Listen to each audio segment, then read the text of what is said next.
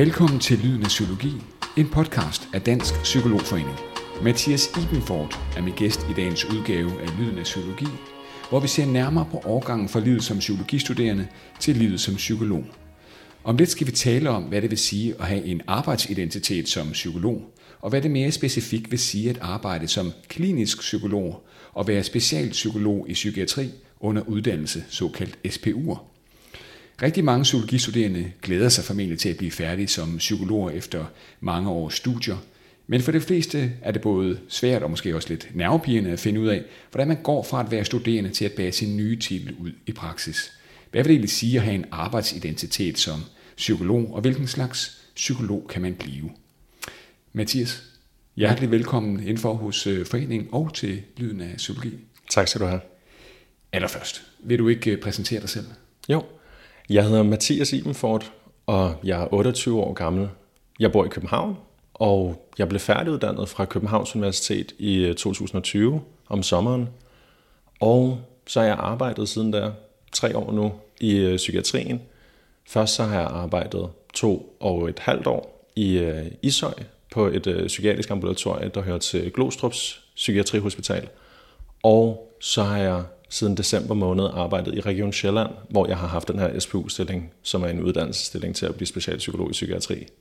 Lad os øh, begynde helt grundlæggende. Hvorfor valgte du egentlig at læse øh, psykologi i, øh, i første omgang? Har du altid vidst, du gerne ville være psykolog?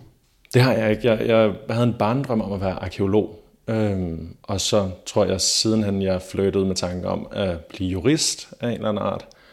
Og så på et tidspunkt i gymnasiet fandt jeg en øh, psykologigrundbog i en busk i forbindelse med storskrald, tror jeg. Og øh, det var der, den, den tanke første gang strejfede mig. Men sidenhen, da jeg så nærmede mig afslutningen af gymnasiet, der tror jeg, det var en, en overvejelse imellem, hvilke ting, der, der interesserede mig, og der var psykologi heldigvis en af de ting, der interesserede mig allermest.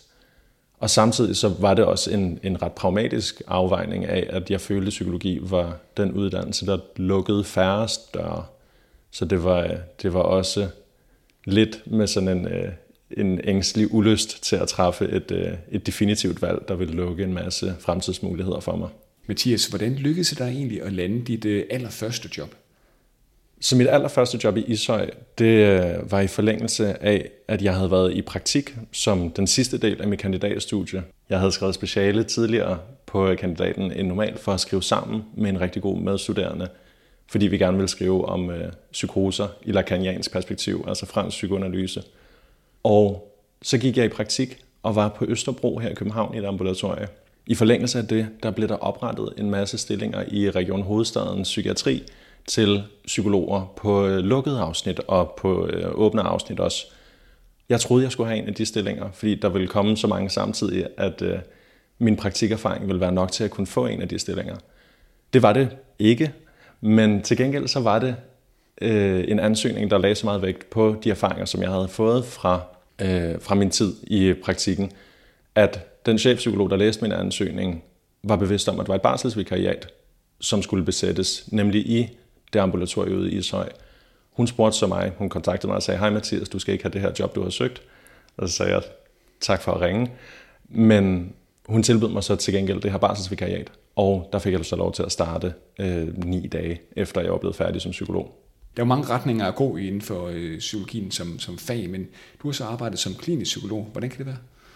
Jeg tror, i løbet af, af studiet blev jeg bevidst om, at det kliniske, altså feltet med, med sygdom i psyken, blev mere og mere interessant for mig, fordi det åbner op for nogle af de ekstremer, som den menneskelige psyke kan rumme. Og for at forstå psyken, tror jeg, vi er nødt til at kende til de her ekstremer. Så det var oprindeligt en meget akademisk interesse. Det var også derfor, jeg skrev et speciale om psykoser, fordi jeg mener, at psykose er noget af det mest ekstreme, som, som psyken kan skabe. Hvordan jeg så endte med at arbejde som klinisk psykolog, var egentlig mere drevet af nogle skrækhistorier, jeg hørte i løbet af, øhm, af studiet fra psykologer, der var færdige, som der holdt oplæg omkring, hvad de havde mødt i virkeligheden. Der var blandt andet nogen, som der fortalte om at have mødt folk, der har været i behandling ved kollegaer i adskillige år, og så har de set klienten eller patienten og sagt, det var utroligt trist, at du har brugt fire år i terapi, fordi du har en psykisk lidelse, som der rent faktisk er brug for nogle meget konkrete interventioner over for, som vi ikke kan løse kun ved at forstå den og ved at, øh, at tale dybt ind i, øh, i, hvordan den er opstået. Så jeg var egentlig også rigtig bange for, at jeg i en eventuel privat praksis sidenhen ikke ville være i stand til at se en sygdom, eller se en person, der havde en sygdom, sidde foran mig, og, øh, og derfor ikke ville hjælpe dem på den bedste måde. Så det var egentlig for at fremtidssikre mig mod det. Det var ikke oprindeligt mit ønske om at vi mit liv til psykiatri. Lad os gå endnu tættere på dit, øh, det arbejde, du havde øh, indtil november 2022, altså som øh, klinisk psykolog i Region Hovedstadens Psykiatri, hvor du arbejdede fuld tid, altså godt og vel to og et halvt års tid her, Psykiatrisk Center Klostrup. Vil du prøve at beskrive sådan en helt normal arbejdsdag på, på det sted? Jamen, så det er et ambulatorie, der arbejder ud fra faktmodellen. Og faktmodellen er det, der har erstattet den gamle distriktspsykiatri og de gamle opsøgende psykoseteams, der hed OP-teams. Så patientgruppen er delvist øh, meget kronificerede psykosepatienter, og så er det folk med andre psykiske lidelser og et meget lavt funktionsniveau. Så det betyder alle, der ikke er i et øh, pakkeforløb, og alle, der ikke kan rummes i den private sektor. Så min hverdag den bestod i at tilbyde udredninger til mennesker, der havde en form for psykisk lidelse eller havde et andet slags problem, der havde fået dem til psykiatrien.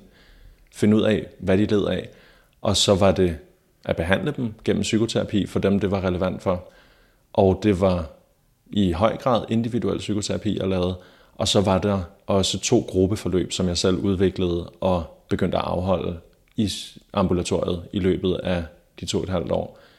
Så der var, der var udredning, og der var intervention. Nu er jeg også præget af, at jeg skulle autoriseres, så det var også to ting, der, der fyldte meget i min bevidsthed. Mathias, det her med at arbejde i psykiatrien, øh, tværfaglighed er ofte sådan et, øh, et nøgleord. Hvordan, hvordan vil du beskrive den her tværfaglighed, du oplevede øh, på det sted, du arbejdede dengang? Da jeg arbejdede i ambulatoriet i Ishøj, der arbejdede jeg sammen med læger, jeg arbejdede sammen med sygeplejersker, sosuer, pædagoger og øh, peer eller recovery mentor, lidt afhængig af, hvor man er hen i landet den tværfaglighed, der opstår der, opstår i høj grad i løbet af hverdagen, fordi meget som man kunne frygte, vil nogen nok sige, så er der mange møder. Øh, der er en hel del konferencer, og der er en hel del visitation, som der skal afstemmes. Og det er visitation til behandling, det er visitation til udredning. Og tværfagligheden dukker rigtig meget op i at skabe en fælles forståelse af patienterne, der er der. Og der er det fuldstændig det er ufravigeligt, at der er behov for rigtig mange perspektiver fordi hverken det medicinske, eller det psykologiske, eller det pædagogiske, eller sygeplejefaglige kan stå alene. Men der er behov for dem alle sammen. Og med et recovery-perspektiv, som der også blev indfaset i løbet af den tid, jeg arbejdede der, der blev det en langt bedre behandling. Så tværfaglighed er en meget stor del af arbejdet i psykiatrien og min oplevelse. Hvordan kan det være, at du, øh, du så forlod øh, det her sted her, altså Psykiatrisk Center Glostrup, efter to og et halvt års tid, og så gik over øh, og, og, og nu i dag er specialpsykolog under, under uddannelse, og du har været godt i gang i, i syv måneder. Hvordan kan det være, at du, øh, du lavede det sporskifte i din karriere? Jamen for mig er det egentlig ikke et sporskifte. Det, det er mere en fornemmelse af, for at gentage, øh, at vi mit liv til, til psykiatrien, det siger jeg med et smil på læben, fordi jeg tror stadigvæk, at psykologi passer rigtig godt til mig og til min personlighed fordi der ikke er noget, der er definitivt. Hvis jeg om 10 år skulle finde ud af, at jeg virkelig gerne vil arbejde med ledelse, så tror jeg stadig, at det er en mulighed, selvom jeg specialiserer mig nu. Men jeg skiftede, fordi jeg rigtig gerne vil være den dygtigste psykolog, som jeg kan blive til.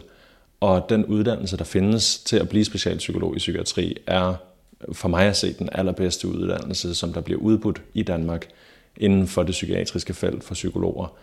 Så der er en øh, fuldstændig usammenlignelig stor gave i at have en fast stilling i fire år, have et meget tilrettelagt uddannelsesforløb, hvor man ikke selv skal holde styr på, hvordan man bliver specialist i noget, men der er nogle andre, der har været søde at lægge en plan for en. Og det så oven i købet er betalt for regionen, er øh, en helt fantastisk karrieremulighed, synes jeg selv.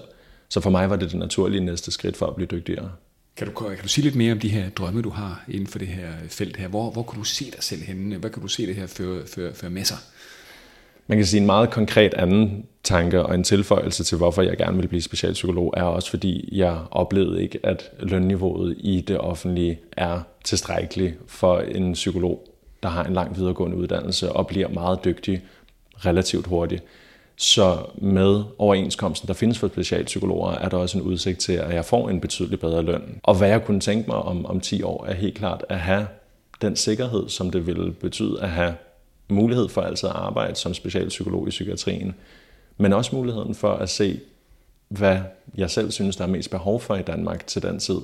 For man kan sige, at vi, vi er i en brydningstid for psykiatrien, og jeg håber rigtig meget, at der kommer til at være en meget solid offentlig investering i at forbedre den offentlige psykiatri. Og jeg vil rigtig gerne være der til at forme den med en psykologs øjne og med det perspektiv, der, der kommer fra os specialpsykologer. Og jeg kan også se en fremtid, hvor der ikke er en offentlig psykiatri, som i samme grad kan tilbyde så specialiseret eller så personlige forløb, som nogle patienter de har brug for. Så der er også en mulighed for, at jeg træder ud af det offentlige arbejde igen en dag. Apropos tanken om ikke at lukke døre, så er det jo for mig påfaldende, at jeg oplever at kunne tage en specialistuddannelse og fortsat have mange døre åbne efterfølgende. Men det er det, jeg oplever lige nu, og det er det, jeg håber også er virkeligheden. Du kalder det en, øh, en brydningstid for, for psykiatrien. Øh, øh, vil du lige prøve at sætte nogle, nogle, nogle flere ord på det? Hvordan, hvad er det for en brydningstid, du, du ser for dig, Mathias? Jeg tror, at psykiatrien i Danmark er det præcise sted, som man kunne forvente af rigtig, rigtig mange års nedprioritering. Jeg tror ikke, at psykiatrien er blevet set på som en arbejdsplads, hvor der var behov for at investere i at fastholde medarbejdere. For rigtig mange mennesker, der arbejder i psykiatrien, er der ud af et godt hjerte. Den rigtig ærgerlige sandhed er så også, at de mennesker, som der er der ud af et godt hjerte, og samtidig har nogle meget ambitiøse drømme for, hvad de gerne vil opnå med deres karriereliv, kan opleve, at de ikke har mulighed for at udfylde de potentialer, fordi der er et system og nogle strukturer, som der ikke tillader for store ambitioner eller for store eksperimenter, fordi den økonomiske ramme har været så stram. Så den brydningstid, jeg ser nu, det er, at der er en politisk bevågenhed omkring psykiatri om psykisk lidelse, og der er et stort ønske for, at rigtig meget skal blive taget sig af af psykiatrien, nok også mere end hvad jeg egentlig mener hører sig til. Men det betyder, at vores samfund ændrer holdning til, hvad psykiatrien er for en størrelse. Jeg håber virkelig, at det kommer til at være forunderligt for de yngre generationer, der er i live nu, at vi har haft en så tabuiseret indstilling over for psykiatrien, for de er vokset op med, at folk har talt om psykiatri ustandsligt. Folk har talt om psykiske lidelser på lige fod med, med fysiske lidelser. Det tror jeg kommer til at ændre, hvordan vi forholder os til psykiatrien. Men man kan ikke, tror jeg, nå at genopbygge psykiatrien, hvis man lader den forfalde yderligere, hvis vi venter i meget lang tid mere. Og jeg plejer at joke med, at vi har brugt 10 år på at etablere en 10-årsplan. Og det er desværre den fornemmelse, man kan have. Så i brydningstiden ser jeg i, at jeg tror, at psykiatrien kan blive meget bedre fra, hvor den er nu. Jeg ser også en mulighed for, at der kommer til at være en større privat psykiatri i Danmark. Det er et stort brud og en stor forandring i den tradition, vi har for, hvordan vi behandler mennesker med psykisk lidelse i vores land. Lad os vende en lille smule tilbage til den her overgang mellem livet som psykologistuderende og så livet som psykolog i, i praksis her. Hvordan bruger du egentlig de ting, Mathias, du øh, lærte under uddannelsen øh, i dag? Er der sådan nogle, øh, hvad kan man sige, nogle erfaringer, du trækker på? Jeg tror, at det, som jeg er gladest for at have lært som psykologistuderende, er, hvor mange perspektiver, der er mulige, hvor meget tvivl det er fornuftigt at rumme, og hvor lidt bombastiske udmeldinger egentlig er hjælpsomme. Jeg tror, mit meget kritiske blik på sandhedsbegrebet er noget af det, der hjælper mig allermest i min hverdag, fordi det sørger for, at jeg ikke for hurtigt kommer til at falde i, hvad man kan, hvad jeg måske vil kalde, en mere øh, medicinsk tradition, som er så hurtigt som muligt at fastsætte en diagnose, og så gå med den. Jeg har det rigtig fint med at blive i tvivlen og at blive i det undrende, og ikke se diagnoser som andet end en hypotese af en gruppe af former for lidelser. Og jeg tror, at den kritiske tilgang muliggør, at, at jeg kan gøre en forskel i psykiatrien, i forhold til, hvis jeg ikke havde været der, i forhold til, hvis psykologer ikke er der. Så den kritiske tænkning, tror jeg, er det allervigtigste, jeg lærte på studiet. Og man kan sige, for min konkrete karriere, der var det, der var et praktikforløb fuldstændig afgørende, for ellers så tror jeg slet ikke, jeg havde kunnet få en fod ind lige så hurtigt, som jeg gjorde. Så det er, en, det er en mere teoretisk og abstrakt indstilling, og så er det nogle meget konkrete forhold også. Hvad var så den største overraskelse, da du så endelig kom ud i, i praksis fra universitetet? Jeg var meget overrasket over at blive mødt med så stor respekt og anerkendelse. Jeg var meget overrasket over, hvor meget ansvar det blev tilbudt mig at tage, så frem jeg selv ville tage imod det.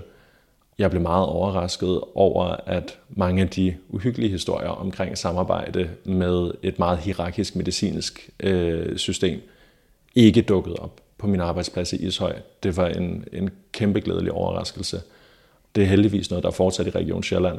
Men man kan sige, at psykiatrien bærer blandt psykologer også på en del stereotyper om, hvordan det er at samarbejde tværfagligt, hvordan det er at samarbejde med læger. Jeg var meget overrasket over, at de ikke var rigtige. Det havde jeg heldigvis også fået afkræftet i løbet af min praktik.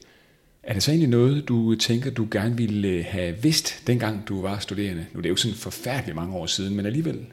Jeg tror gerne, jeg ville have vidst under uddannelsen, hvad mere konkrete arbejdsopgaver kunne have været i fremtiden, eller kunne blive i fremtiden.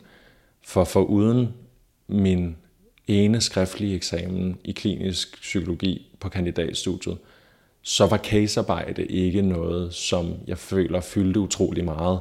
Det var selvsagt forsøget, at man i alle mulige afskygninger skulle have noget konkret at arbejde med forskellige teorier med, så man kunne forestille sig en bestemt klasse, når man havde pædagogisk psykologi, eller man kunne forestille sig en bestemt arbejdsplads, når man havde AO.